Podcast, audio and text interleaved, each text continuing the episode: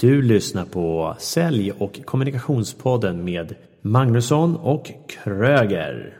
Veckans avsnitt sponsras av LimeGo, Sveriges främsta säljverktyg. Som är framtaget av Lundalogik i Skåne. Och jag brukar rekommendera LimeGo till mina kunder. Varför då? För att det är ett enkelt verktyg som också har alla Sveriges företag redan i systemet med telefonnummer och allting. Det underlättar ju för säljarna en hel del. Ja, det gör det verkligen. Och du som lyssnar kan testa det här verktyget helt utan bindningstid under en veckas tid på lime-go.se gott snack.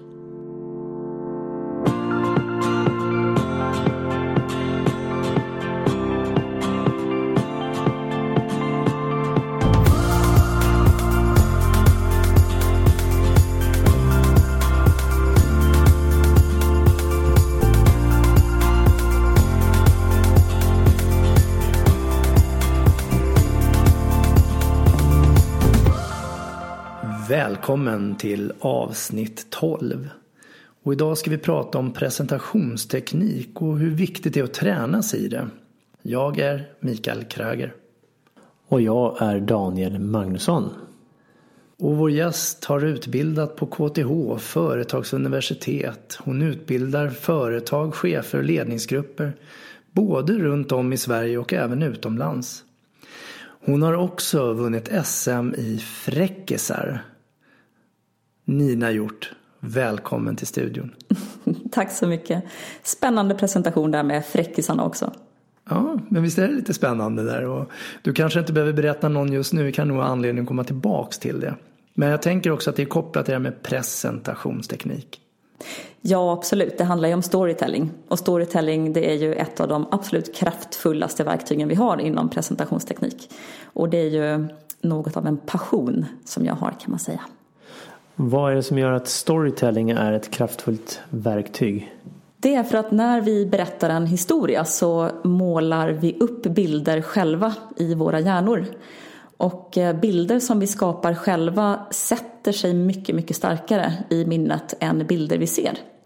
Så eh, om ni tänker efter, om ni har läst en bok någon gång så kan ni tänka tillbaka hur miljöerna såg ut, hur människorna såg ut, hur känslorna var. Men eh, det kanske inte är så många filmer som ni kommer ihåg på samma sätt. Så berättelser skapar bilder som sätter sig bättre. Och då menar du alltså som bilderna som jag själv skapar i mitt eget huvud när du berättar någonting för mig till exempel? Precis. Jag tänker storytelling, jag kan ju hitta på en historia. Men när du pratar om storytelling nu, menar du personliga historier och, eller privata, eller hur tänker du där? Jag menar att berätta en historia eller berätta en story på något sätt eh, dra ett exempel, sätta saker i ett sammanhang. Det gör att vi skapar känsla hos människor. Och eh, om vi vill att människor ska vilja lyssna på det vi säger, om vi vill att de ska komma ihåg det vi säger och om vi vill att de ska ta ett beslut på det vi säger, då måste vi få dem att känna en känsla. För alla de delarna ligger i samma eh, begränsade del av hjärnan som heter det limbiska systemet. Så storytelling det är vårt absolut mest kraftfulla verktyg för att nå in i det limbiska systemet där både beslut, största delen av minnen och eh, viljan att lyssna ligger. Beskriv det limbiska systemet för våra lyssnare. Alltså inte, inte ordagrant utan vad är det då? Det består egentligen av flera olika delar. Men man kan säga om man eh, tar det i väldigt grova drag, väldigt förenklat, så består vår hjärna av tre stycken delar. Vi har vår reptilhjärna som skapades först för ungefär 300 miljoner år sedan. Och eh, i den ligger våra instinkter, det vill säga fara, sex, att para sig och att äta. Så vår reptilhjärna den går runt hela tiden och sniffar efter faror, efter någonting att äta, efter någon att para sig med. Och eh, de här instinkterna de är så starka så de styr allting annat. Det finns ingenting som är starkare än dem. Men eh, efter det så kom det limbiska systemet ungefär 150 miljoner år senare. Och där ligger alla våra känslor. Där ligger också beslut. Vi tar beslut med känsla. Vi tror ofta att vi tar logiska beslut. Men det gör vi inte. Vi rättfärdiggör våra beslut med logiken och det är därför vi ofta lurar oss själva och tror att de är logiska. Men vi har tagit beslutet med känslan och sen rättfärdiggör vi dem med logiken. Så att om jag går på affären och handlar och så är jag lite extra hungrig. Mm. Och så köper jag många olika saker och kanske lite onyttigt också. Eh, då är det alltså bara en känsla. Du menar att jag tar det beslutet egentligen på någon form av sug eller känslan? Ja, precis. Jag brukar ta exemplet att eh, jag är ju en sån här typisk kvinna som gillar att gå och shoppa. Speciellt när det är rea. Så kanske jag ser en väldigt, väldigt snygg klänning som jag väldigt, väldigt gärna vill ha. Men jag vet ju också att jag har ju tio klänningar där hemma. Jag behöver ju inte en till klänning. Men jag vill ha den här klänningen. Och då börjar jag med logiken rättfärdiggöra mitt beslut. Då tänker jag så här att ja, men, jag har ju de här skorna som jag nästan aldrig använder. Och de skulle ju vara perfekta till den här klänningen. Och den där handväskan som jag nästan heller aldrig använder, den, den skulle ju också vara perfekt till den här klänningen. Så rättfärdiggör jag mitt beslut med logiken, men egentligen har jag tagit beslutet med känslan, jag vill ha den här klänningen. Så, och det är så vi tar alla beslut. Man brukar prata om magkänslan. Det är, vissa är mer känsliga för den än andra, men alla har vi den. Och även människor som är väldigt blåa, som vi brukar säga, väldigt logiska, de tar också beslut med känslan. Så även om man tar beslut på en, en budget till exempel, som egentligen bara är siffror, så måste beslutet ändå baseras på en känsla av förtroende var den budgeten kommer ifrån. Så okay. alla beslut är grundade i en känsla. Så vi hade reptilhjärnan, limbiska systemet och den tredje delen av hjärnan är? Neocortex. Det är vår största del av hjärnan. Det är det man brukar kalla för vänstra och högra hjärnhalvan. Och där ligger vår logik, eh, matematik, språk och så vidare. Och längst fram i neocortex har vi orbifrontal cortex. Och det, kan man, det låter ju som ett transformer-namn nästan, så här mm. orbifrontal cortex. Och det är precis vad det är. Det är som en stor transformer som står och vaktar ingången till vår hjärna. För att se till att ingenting onödigt släpps in där. För att vi bombarderas varje dag, varje vecka, varje månad med miljoner intryck. Och om vi inte hade den här transformen, orbifrontal cortex, som står där och vaktar ingången till vår hjärna, då skulle vi bryta ihop. Vi skulle aldrig klara av att hantera all information. Så den sållar hela tiden. Det här är intressant nog, det här är relevant nog att spara. Allting annat kastas bort. Lite grann som en dörrvakt på en krog helt enkelt. Precis, som det här är relevant att släppa in, det här sorterar vi bort och det här vill vi inte ha här överhuvudtaget. Nina, du började ju som 19-åring som säljare och började knacka dörr. Och sen har du gått vidare och i 22 år var du inom försäljning och slutade egentligen som försäljningschef på Canon om IT. Berätta om din säljresa. Vad, vad var det som lockade med sälj och hur kunde du bli så bra på det? Ja, egentligen halkade jag in på det av en slump. Alltså när man är 19 år då tar man ju första bästa jobb som man får i princip. Och eh, jag tog ett jobb där jag knackade dörr på företag och sålde sådana här häften, gå två och betala för en på restaurang. Jag eh, fortsatte, jag blev headhuntad, jag har aldrig sökt ett jobb faktiskt. Utan sen dess har jag bara blivit uppsökt och headhuntat till eh, olika företag och gått hela, hela skalan uppåt. Så ehm, jag har varit försäljningschef, jag har jobbat både med produktförsäljning och eh, tjänsteförsäljning. Jag har jobbat inom konferens, event, IT och eh, jag har aldrig tröttnat på försäljning. Det som hela tiden har lockat mig med försäljning det är beteendevetenskapen. Hur kan jag få dig och tycka och tänka som jag vill att du ska tycka och tänka. Och sen har jag alltid, alltid haft ärlighet och kundens bästa för ögonen. Och det lyser igenom. Det låter ju jättebra. Och när du säger fallenhet, vad är det, vilken, på vilket sätt hade du fallenhet för försäljning? Jag tror att det var mycket det här att jag var från början väldigt ärlig och uppriktig.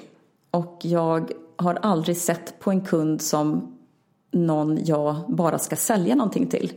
Utan jag har alltid verkligen tänkt att det här kommer göra tillvaron bättre på något sätt. Och det är det jag har försökt att förmedla till dem också. Du orkade ju hålla på med försäljning i 22 år. Och om vi nu tänker att vi har yngre människor som ska in i försäljningsbranschen och ut och sälja och ska, ska också orka den här. Har du några tips?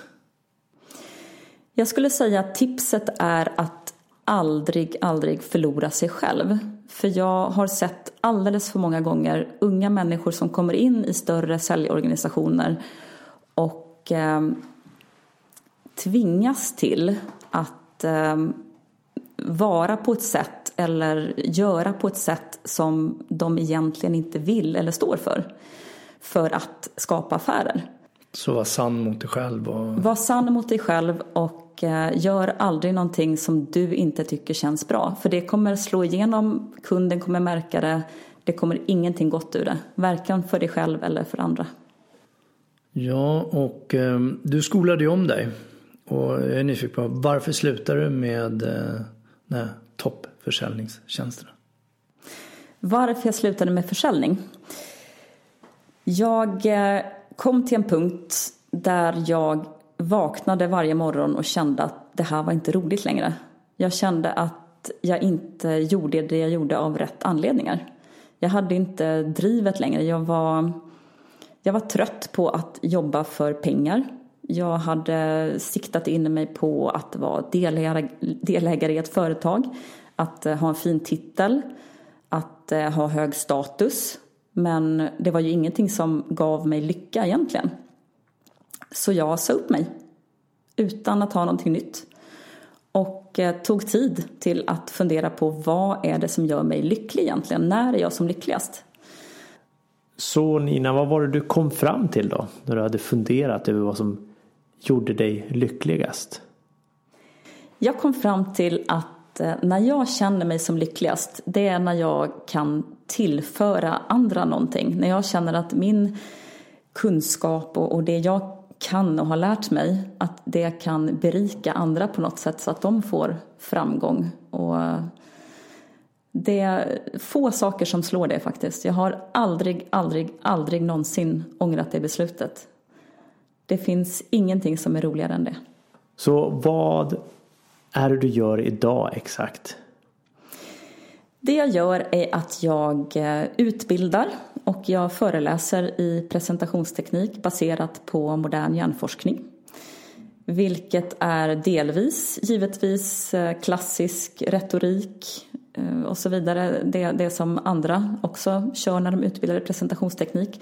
Skillnad... Vad, vad, är det, vad är det då? Är det det här etos, patos och logos och det? Ja, precis. Ja. Retorik det är ju konsten att vara övertygande genom talet. Och det finns ju tusentals böcker skrivna om det här och, och fadern till all eh, modern retorik det är ju Aristoteles som levde för 2300 år sedan. Han myntade ju begreppet den gyllene triangeln och det är precis det som du pratar om nu med etos, logos och patos och ha en balans mellan de tre delarna är av högsta vikt för att vara övertygande. Och etos det är ju då förtroende, man måste ha förtroende. Logos, det är förnuftet, att se till att att eh, alla argument, fakta och så vidare stämmer. Och sen har vi patos som är att beröra känslomässigt. Och alla de tre delarna är av lika stor vikt. Och det, den fällan som de allra, allra flesta fastnar i det är att man lägger på tok för mycket vikt vid logos. Det ska vara mycket fakta, det ska vara mycket statistik, många argument. Och sen eh, glömmer man bort dels att bygga sitt eget etos, det vill säga att bygga förtroende för den person man är. När jag utbildar i retorik då är ju det passet ungefär tre timmar långt. Så jag kan inte gå in på alla delar men, men väldigt mycket handlar om att plocka ut rätt saker som är relevanta just i den situationen. För att eh, en sak som ger dig högt förtroende i en situation och med en specifik kund till exempel eller en åhörargrupp kanske inte alls är det i en annan. Utan plocka fram rätt saker som ger dig förtroende i just den gruppen. Så det gäller att ha en liten palett av eh, olika saker som bygger upp förtroendet då? Som kan anpassas efter målgruppen? Ja, jag brukar säga att det är som att ha en ryggsäck. Man har ju en ryggsäck full efter att ha levt ett liv med erfarenheter och kunskap. Och så plockar man rätt saker ur den ryggsäcken när eh, man möter olika typer av grupper, olika människor. Mm. Och sen känslan då, är det sista då, patos? Patos, ja precis, att beröra känslomässigt.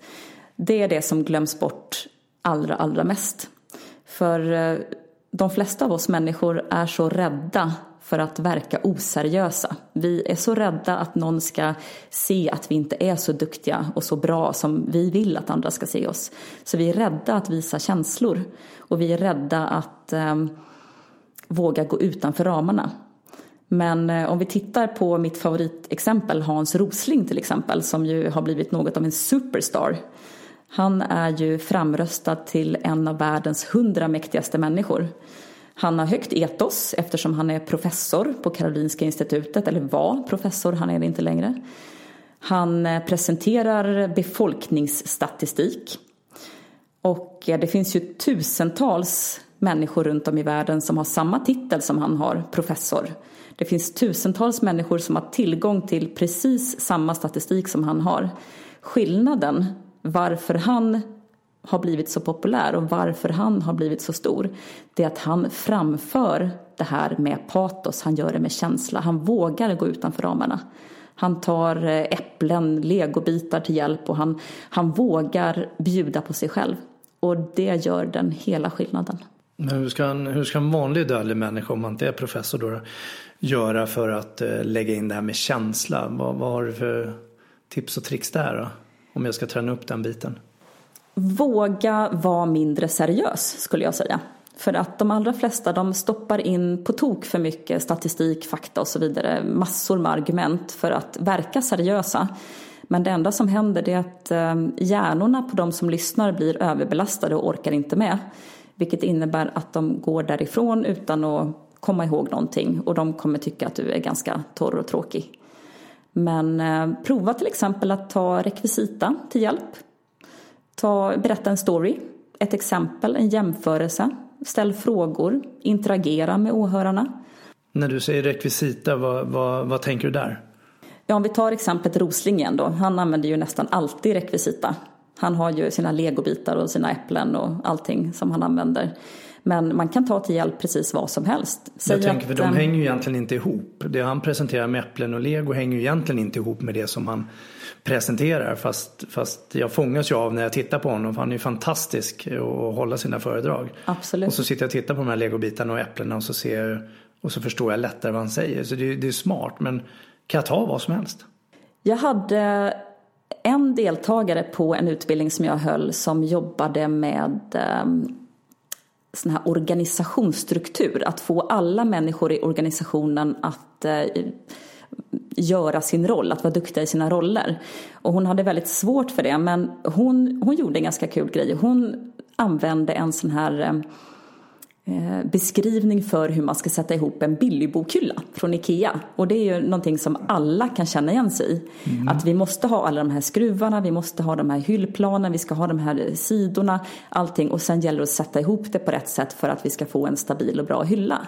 Och sen jämförde hon alla de här rollerna med de här olika delarna och att vi måste skruva ihop det på rätt sätt för att det ska bli en stabil organisation. Och det tycker jag var ett, ett eh, bra exempel på hur man kan använda någonting helt annat för att få människor att förstå faktiskt vikten av det som vi har att förmedla. Så egentligen kan jag använda vad som helst så länge jag har någon form av kanske så småningom en logisk koppling till det då, eller åtminstone kan beskriva vad det är jag gör. Ja, precis. Men jag tänker de här människorna nu, om du går på ett bröllop eller på 50-årskalas och så ska du hålla tal. Eh, jag, jag, det kryper i kroppen på mig när någon ställer sig upp och säger så här. Jag är ingen talare. Och sen kan de stå och orera jättelänge om absolut ingenting. Jag vet att det ligger hos mig, absolut. Men jag tänker, hur, hur, hur ska jag kunna puffa till dem och bli lite bättre då? Ja, de, de där har vi alla råkat ut för. Och det, tyvärr så är det ju så här att eh, vi, de flesta av oss svenskar är väldigt dåligt tränade i att hålla tal eller att eh, presentera överhuvudtaget. Jag vet när, när jag gick i skolan då fick man ju ibland stå och presentera något grupparbete sådär och, och de allra allra flesta de stod där med sitt, sitt papper och, och skakade och, och kompisarna skrattade åt dem. Och det här är någonting som, som sätter sig i människor. Jag vet inte hur många gånger jag har fått trösta deltagare på mina utbildningar som nästan alltså, bryter ihop och börjar gråta för att alla de här minnena från skolan kommer upp igen. De, de har satt en etikett på sig själva att jag kan inte göra det här, det här är så läskigt. Och det är, det är ingen slump att när man gör undersökningar om våra största rädslor, vad vi är mest rädda för i världen, så kommer att stå och prata inför andra alltid, alltid på första plats döden brukar komma någonstans på tredje, fjärde. Vilket är helt ologiskt. Men rädslan är så stor, det här att stå utsatt och stå och prata inför andra. Och däremellan har jag hört att, eh, ja, om det nu är andra plats då, att, att det handlar om att inte få bli bekräftad eller delaktig, inkluderad. Att, det vill säga bli exkluderad ur ett sammanhang. Och ja. behöver vi andra människor.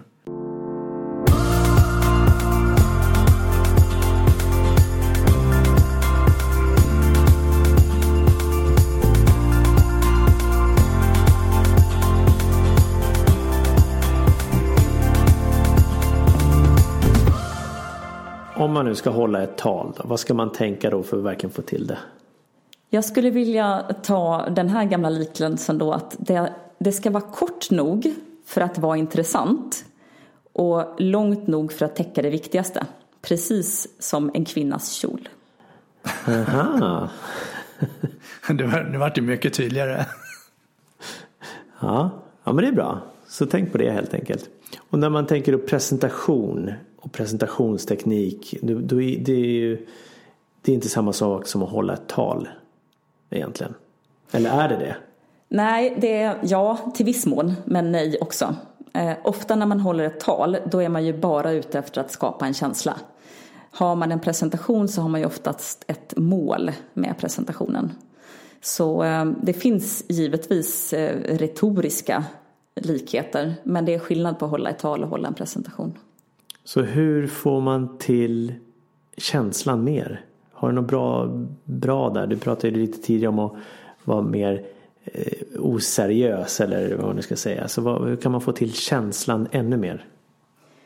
Det absolut viktigaste det är att tänka till innan när vi planerar presentationen. Att tänka till varför ska de som lyssnar till mig lyssna på det här? Vad har de för nytta av det? För att vi människor är fortfarande extremt primala varelser. Vi vill veta varför vi ska lyssna på någonting. Vad kan jag ha för nytta av det här? Hur kan det här bidra till min utveckling, till min framgång, till att jag tjänar mer pengar, till att jag blir lyckligare?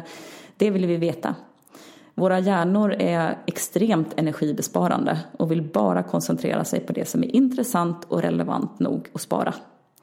Så att tänka till innan varför de som lyssnar behöver lyssna på det här. Antingen vad de har för nytta av det eller vilken konsekvens det kan bli om de inte gör det. Det är av allra största vikt. Och sen också att tänka till själv. Varför vill jag hålla den här presentationen? Varför är det här viktigt för mig? För det vi känner när vi står och håller presentationen, det smittar av sig. Jag tänker på eh, Simon Sinek hans Start with Why, det här TED-talket som är det mest tittade TED-talket eller jag tror det är det mest tittade YouTube-klippet nästintill också. Mm. Han pratar ju väldigt mycket om det att starta och börja med ditt varför. Ja, och det stämmer så bra. På vilket sätt stämmer det då i det här fallet? I kommunikation, när vi kommunicerar med andra, så har vi människor en tendens att börja med vad. Alltså vad vill vi presentera? Vad gör vi? Vad ska vi göra? Och sen kanske vi kommer in på saker som hur, var och när. Hur ska vi göra det här? Var gör vi det? När gör vi det? Jag vet inte hur många gånger när jag var försäljningschef, jag satt och tog emot säljare som det första de gjorde var att de slog upp en laptop och skulle dra en presentation om företaget de representerade. Att de fanns i så här många länder, på så här många kontinenter, hade så här stor omsättning. Och för mig blir ju det det blir bara information som går in genom ena örat och ut genom det andra om inte jag vet varför det är viktigt för mig, varför jag ska lyssna. Så det absolut viktigaste är att börja med ett varför. Ja, och, och där i det fallet också titta på varför det, alltså vad är varför för företaget och samtidigt inte glömma bort sig själv. Till exempel då säljaren i det här fallet. Varför han eller hon jobbar där. Varför jag tycker det här är viktigt och så vidare. Och inte bara gömma sig bakom företaget vilket kan vara ganska lätt. Absolut. För då blir det ju mer känsla och mer personligt också. Och om det är äkta såklart. Ja, definitivt. När jag lär ut presentationsteknik då, um, lär jag alltid deltagarna en struktur som är på 16 punkter som är psykologiskt optimerad för att komma in på rätt ställe i hjärnan hos de som lyssnar, dit man vill komma. Och eh, innan överhuvudtaget man börjar berätta om sig själv eller om företaget så måste man flytta på den här stora transformen då, orbifrontal cortex, längst fram i hjärnan. Och det gör man i tre olika steg. Så det första är att visa respekt för den eller de som lyssnar. Att faktiskt eh, säga att man uppskattar att eh, de har tagit sig tid till exempel. Eller ge någon, någon form av komplimang som kommer från hjärtat. Någonting som är ärligt menat. För den här stora vakten i hjärnan, den eh, är väldigt, väldigt skeptisk. Och så fort vi får uppskattning, får en komplimang, då börjar den sådär röra på sig att ja, men det här verkar nog vara en trevlig person ändå. Och sen handlar det om att väcka intresse för det vi ska berätta om. Att faktiskt eh, ha någon form av intresseväckare, någonting som gör att de känner att det här vill jag lyssna mera på. För att om vi inte har intresse för det vi ska lyssna på, då kommer vi att stänga av. Och sen att ha en tydlig måldefinition. Att eh, berätta att målet med den här presentationen är att. För eh, vet vi inte vart vi är på väg, ja då kommer uppmärksamheten fladdra runt överallt. Så om du skulle väva in de här tre punkterna och ta något exempel. Så att jag förstår och lyssnaren förstår. Hur gör du då? Ja, jag kan ju ta som jag gör det.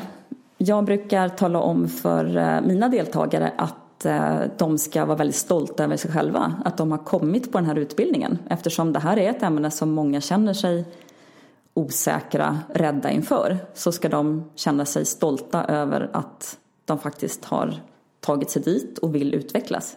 Okej, så det där var då del 1 eller punkt 1 då, respekt för åhörarna. Så punkt 2 då? Punkt två det är då intresseväckaren, att väcka intresse för ämnet som i mitt fall då är presentationsteknik. Och eh, då brukar jag använda mig av en stol som rekvisita. Så säger jag till deltagarna att eh, tänk er nu att den här stolen är någonting som ni ska sälja. Det kan vara en produkt, det kan vara en idé, det kan vara en tjänst. Någonting som ni vill övertyga någon annan om. Och på ena sidan ställer vi en medioker presentatör och på andra sidan ställer vi en briljant presentatör. Och sen brukar jag fråga dem vilken av de här två som de skulle vilja vara. Och då säger nästan alla säger den briljanta presentatören såklart.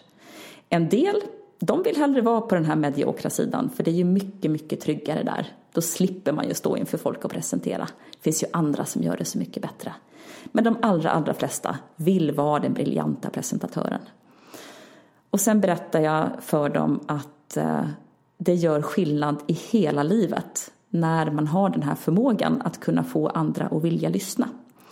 Inte bara när man står inför människor och presenterar utan i all kommunikation varje dag, livet ut.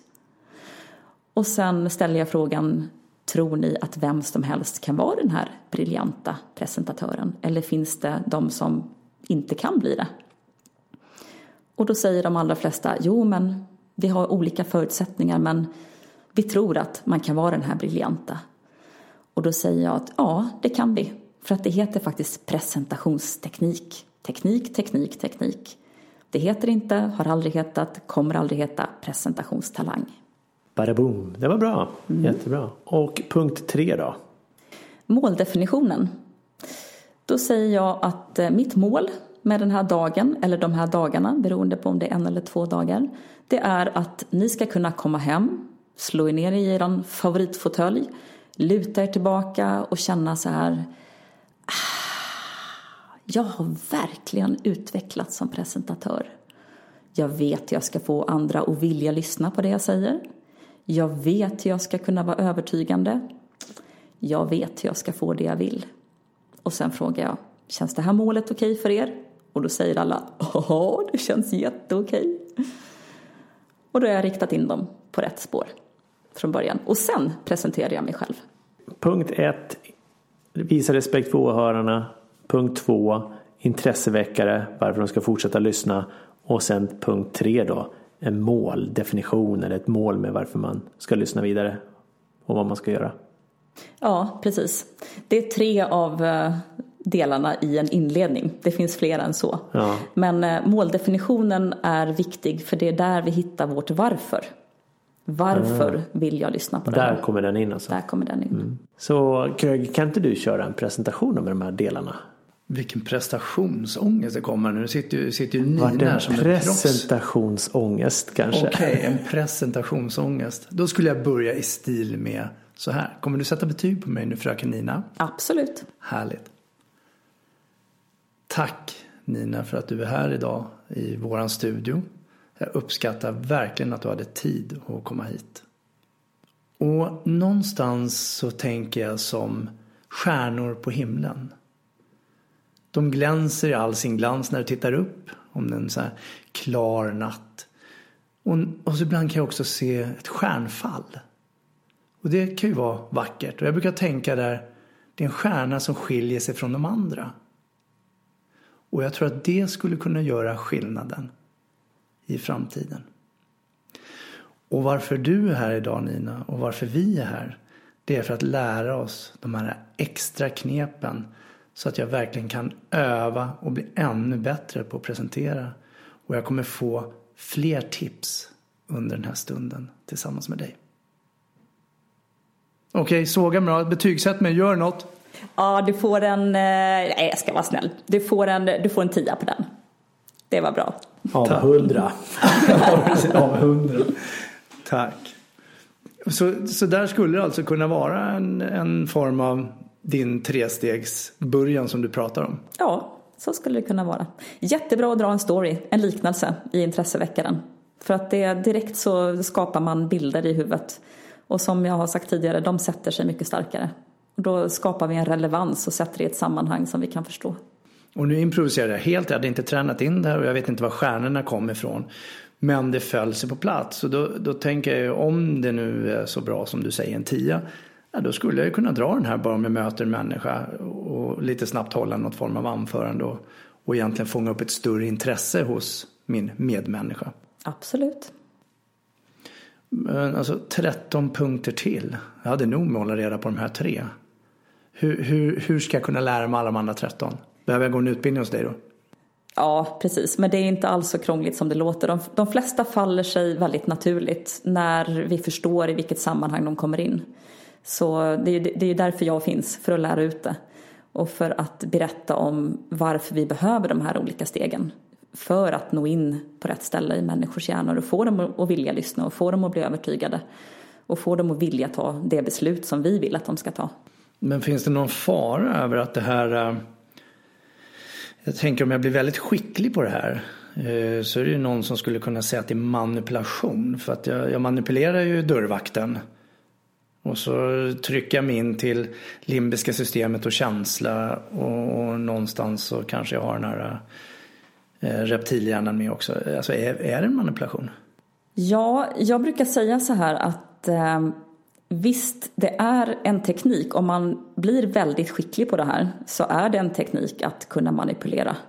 Men eh, det gäller ju att använda det i rätt syfte och använda det för att skapa en bättre kommunikation, inte för att styra människor.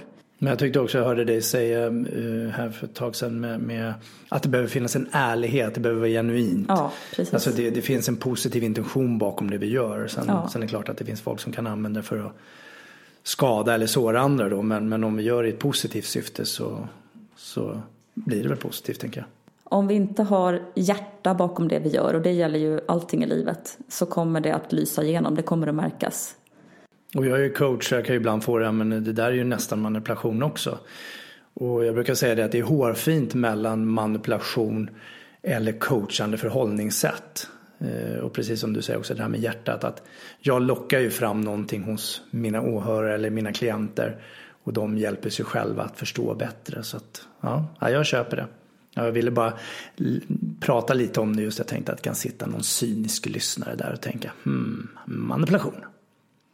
Men det är det inte. Ja, nej, som sagt, hjärtat lyser alltid igenom. Men hur, hur fick du den här kunskapen? Vad, vad har du pluggat? Vad har du lärt dig? Hur, hur kan du det du kan?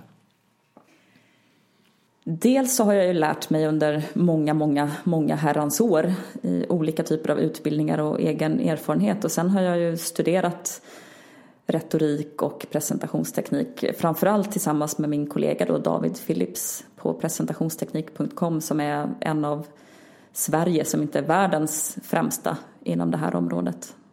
Alltså det är så här, Sveriges främsta eller världens främsta. Eh, nu har jag träffat honom och han är ju fantastiskt skicklig och jag har ju även gått utbildningar för dig och du är ju lika skicklig som han är. Eh, kan inte du berätta någon story där du har varit med en, en grupp människor Säg att de har varit dåliga från början då eller haft rädslor eller vad det nu kan vara och där, där du har lyckats. Eh, har du någon sån story på lager? Någon gripande sådan? Någon gripande historia? Jag vet inte om jag vill, vill hänga ut någon men jag kan säga att ett mejl som jag fick, jag vet inte hur många utropstecken det var men det var över 20 tack. Han började mejlet med tack, tack, tack, tack, tack, tack, tack, tack, över 20 stycken tack. Och sen skrev han att jag har aldrig fått så mycket applåder, jag har aldrig fått så mycket respons. Det är aldrig så många som har kommit fram till mig efteråt och tackat. Jag har aldrig upplevt en sån eh, närvaro med publiken. Jag har aldrig, och det var, det var fortsatte och fortsatte och fortsatte. Och så var det utropstecken, utropstecken, utropstecken i tre, fyra rader. Och då kände jag ju att att jag har fått vara en del i den här känslan, för den här, hans känsla verkligen lyste igenom det här mejlet. Och att få ha varit en del av det, det är värt allt. Det är det bästa som finns. Den här personen, vad hade han för position eller vad hade han hållit för föredrag om? Vet du det? Han var faktiskt en eh, professionell föreläsare ha? i väldigt höga sammanhang. Så just det här, i det här sammanhanget där hade han stått på scen tillsammans med, jag tror att det var, de andra talarna var sådana här Annika Falkengren på SCB och alltså det var, det var ett stort sammanhang med välkända personer. Titta, så en som är riktigt bra kan alltså bli bra-ägare. Det är ju fantastiskt. Mm. Om du tränar och om du vågar att bli bra-ägare. Ja, och faktiskt titta på olika sätt och lära sig de här punkterna då bland annat såklart. Mm.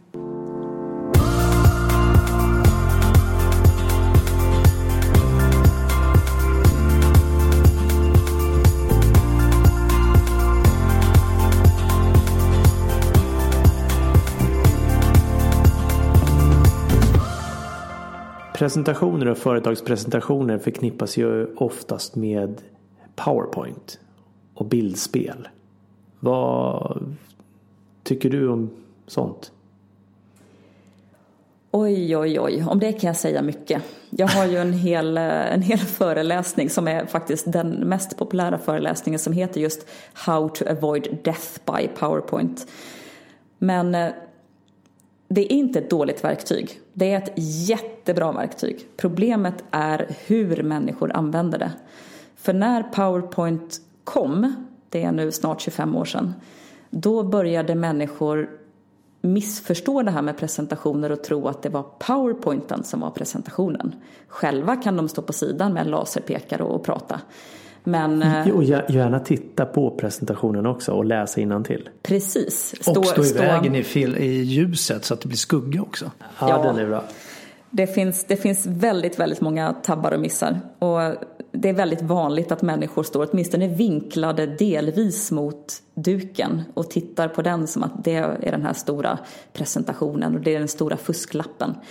Men eh, det jag brukar säga är att glöm aldrig, aldrig, aldrig att det är du som är presentationen. En powerpoint, det är bara till för att förstärka och förtydliga det som du som presentatör säger. Det är ingenting annat. Okej, så då ska jag förstärka, då ska alltså all text som jag pratar om, ska det vara uppe på eh, powerpointen då? Absolut inte. Det ska inte vara löptext uppe på powerpointen. Det kan vara punkter som är max tre ord långa. Så fort det blir löptext hela meningar då börjar vi att läsa. Och vi kan inte läsa och ta till oss information och lyssna och ta till oss information samtidigt. Det blir en arbetsminneskonflikt. Ja, och då tänker jag på de här eh, presentationerna jag har varit på när det är någon som står och håller en presentation och så säger han så här Ja, och eh, Ja, ni kan ju läsa till och så tystnar de och så tror de att det ska bli någon bättre presentation och så sitter folk och läser och så vet ju inte man om man läst klart eller inte. Är det är så taffligt. Ja, och jag kan säga, jag har ju utbildat en del på, på KTH och Och eh, där får jag alltid höra av studenterna efter mina utbildningsdagar. Kan inte du utbilda våra lärare? Och det skulle jag hemskt gärna göra. För det finns alldeles för många lärare som inte tar sin uppgift på allvar. Utan de skickar ut sina powerpoint-presentationer kanske en vecka i förväg och sen tror de att eh, de behöver bara stå och läsa dem till. Tips då? Om du skulle ge tre tips, de absolut viktigaste att tänka på när man skapar en powerpoint. Inte att man när man ska använda men när man skapar powerpoint. När man skapar en powerpoint då skulle jag vilja säga att första tipset är att det får vara max ett budskap per slide. Mm. Slides are for free. De är Slides gratis. are for free, precis. Det finns ju en um, idé om att vi inte ska ha så många slides. Och det där är jag väldigt mycket emot för det som det gör egentligen, den tanken, det är att man försöker klämma in massor med information på slidesen istället. Men det skapar bara förvirring. Så max ett budskap per slide. Och sen max sex objekt per slide. För blir det mer än så, då kommer våran hjärna att säga Ugh. Men är det mindre än sex, då kommer hjärnan att säga ah, det här var skönt. Mm. Så blir det för mycket information, för många objekt på en slide, då, då tröttnar vi, vi tar inte in någonting. Om ni tänker efter när ni har suttit på presentationer och börjat fladdra iväg i tanken och börjat tänka på någonting annat. Det är ju inte ett beslut som ni har tagit medvetet att nu ska jag sluta lyssna och titta och tänka på någonting annat. Utan det är hjärnan som bestämmer det åt er. Och det är precis det som händer när vi blir överösta av för mycket information, för mycket bilder, text, för många objekt på slidesen. Då stänger vår hjärna av och börjar tänka på någonting annat. Är det dörrvakten som kommer in och puttar bort det? Ja, precis. Ja. Mm, det går åt för mycket energi. Och sista, den viktigaste punkten av de här tre som du kan förmedla just nu då? Jag skulle vilja säga så här att ha hellre en svart eller mörk bakgrund på sliden än en vit. Nu vet jag att det är vit som standard i Powerpoint och i de flesta presentationsprogram. Men det som händer när vi har en stor vit rektangel skinande på oss som publik det är att vi har väldigt svårt att slita blicken från den. För att våra hjärnor är programmerade att reagera och fokusera på sånt som har väldigt hög kontrast och som är stort. Och om vi som presentatörer ska kunna ta greppet om publiken och vara presentationen så måste vi hela tiden konkurrera med den här stora kontrastrika vita rektangeln. Så lägg hellre en mörk eller svart bakgrund för svart i Powerpoint är ingenting så man får inte de här linjerna runt heller. Och David, som du jobbar med, har ju skrivit en bok om det, To Avoid Death by Powerpoint. Precis. Eh, rak översättning så skulle jag vilja säga Powerpoints-döden. Mm. Och slides står för sidor. Så ju färre sidor, åtminstone ju mindre text på varje sida eller punkter. Och gärna bilder tänker jag, måste jag attrahera mycket mer. Om jag kan ha någon bild som förstärker, som jag pratar om stjärnor och sen kunde jag väl lagt upp ett stjärnfall då, då, kanske på en bild. Bilder är fantastiska att använda så länge de förstärker det du säger. Det finns väldigt många företag som tyvärr har bilder som dekoration. De kanske har eh, någon logga på varje slide, de har någon sån här våg eller någon tjusig design grej som eh, deras marknadsavdelning har tagit fram och satt på slidesen som, eh, som eh, default. Det tar bara uppmärksamhet från budskapet det som är viktigt. Så bilder är fantastiskt bra att använda om de har en symbolik. Hur får folk tag på dig Nina? Det enklaste är att gå in på hemsidan som är eh, www.presentationsteknik.com och eh, där lägger vi upp öppna utbildningar, föreläsningar, och så vidare. Men eh, alla är också hjärtligt välkomna att höra av sig för företagsanpassade utbildningar och personlig coachning. Och precis som du har sagt flera gånger, det är en presentationsteknik, teknik, teknik. Det vill säga att vem som helst kan lära sig det här. Alla kan lära sig. Alla borde lära sig. Oavsett om man har tänkt stå upp och presentera eller inte. Det har vi kommit fram till här idag.